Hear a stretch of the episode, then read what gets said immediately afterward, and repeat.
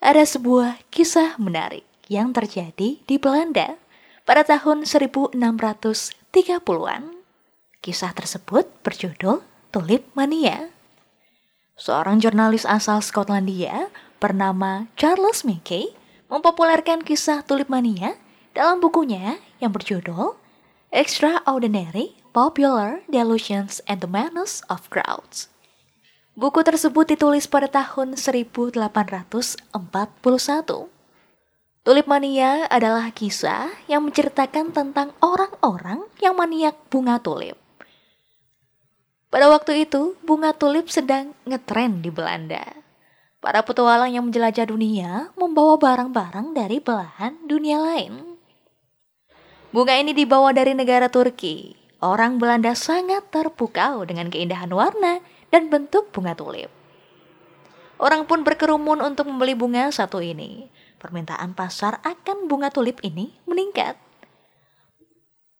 Orang mulai berjualan bunga tulip sebagai komoditas. Banyak variasi warna dan bentuk baru ditemukan melalui proses perkawinan berbagai macam jenis. Lambat laun, bunga tulip menjadi lambang status sosial orang Belanda. Permintaan meningkat namun proses produksinya lambat. Terkendala waktu hidup yang pendek dan kesesuaian dengan musim, harga pun akhirnya meningkat. Orang pun terus mencari cara bagaimana meningkatkan laba dari pasar bunga tulip yang telah terbentuk ini. Akhirnya tercetus ide untuk menjual sertifikat kepemilikan bunga tulip. Sertifikat itu adalah jaminan kepemilikan bunga tulip jenis tertentu pada waktu tertentu di masa depan. Karena saking kegandrungannya pada bunga ini, orang Belanda terus-menerus memperjualbelikan sertifikat ini. Kemudian muncul spekulan pasar yang hanya membeli sertifikat untuk dijual kembali dengan harga yang lebih tinggi. Bukannya menikmati keindahan bunga tulip, Orang berspekulasi memperjualbelikan sertifikat untuk memperkaya diri sendiri. Harga terus meningkat, inflasi besar terjadi. Puncaknya, pada tahun 1637, harga tulip mencapai harga 10 kali gaji tahunan pekerja terampil saat itu. Harga tersebut setara dengan harga sebuah rumah pada saat itu.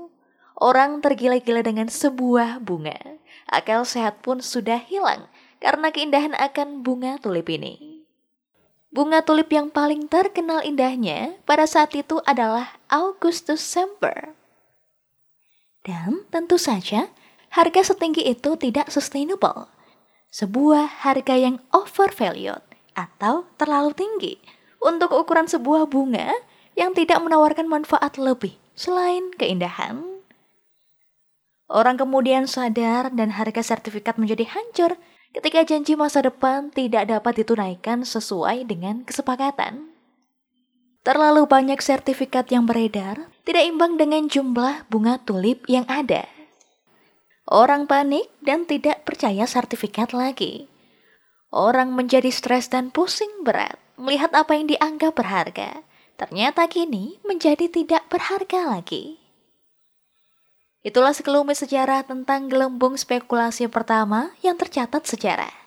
Kisah ini mengajarkan kepada kita tentang spekulasi jual beli aset kertas dengan jaminan serah terima masa depan sangatlah volatil dan beresiko tinggi. Apalagi ketika penerbit aset kertas tersebut tidak dapat memenuhi janjinya. Rasulullah pernah mengingatkan kepada kita tentang haramnya transaksi koror kita dilarang untuk jual barang yang belum kita miliki, kecuali dengan akad salam dan istisna. Semoga kita semua bisa memetik hikmah dari kisah ini.